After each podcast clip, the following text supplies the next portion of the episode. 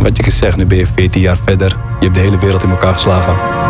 Fighting out of Morocco, ladies and gentlemen, the baddest! Dit is de prijzenkast met Tom de Graaf.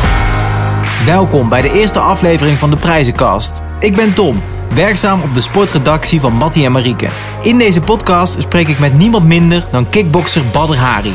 Hij is voormalig K1-kampioen en won van grootheden als Peter Aarts en Sam Schild. Hij heeft 121 wedstrijden gevochten, waarvan 106 gewonnen. Badr is een echte knock-outvechter, want hij won 92 keer door zijn tegenstander knock-out te slaan. In deze podcast vertelt hij hoe het is om knock-out geslagen te worden. Ja, het is heel bizar. Je, raakt gewoon, je bent gewoon bewusteloos. Maar ook over zijn periode in de cel. Je moet roeien met de riemen die je hebt. Dat is in die, in die situatie ook voor mij toen geweest. En we hebben het natuurlijk over zijn laatste partij tegen Rico Verhoeven. Hij stond er wel. Hij deed alleen niet meer mee.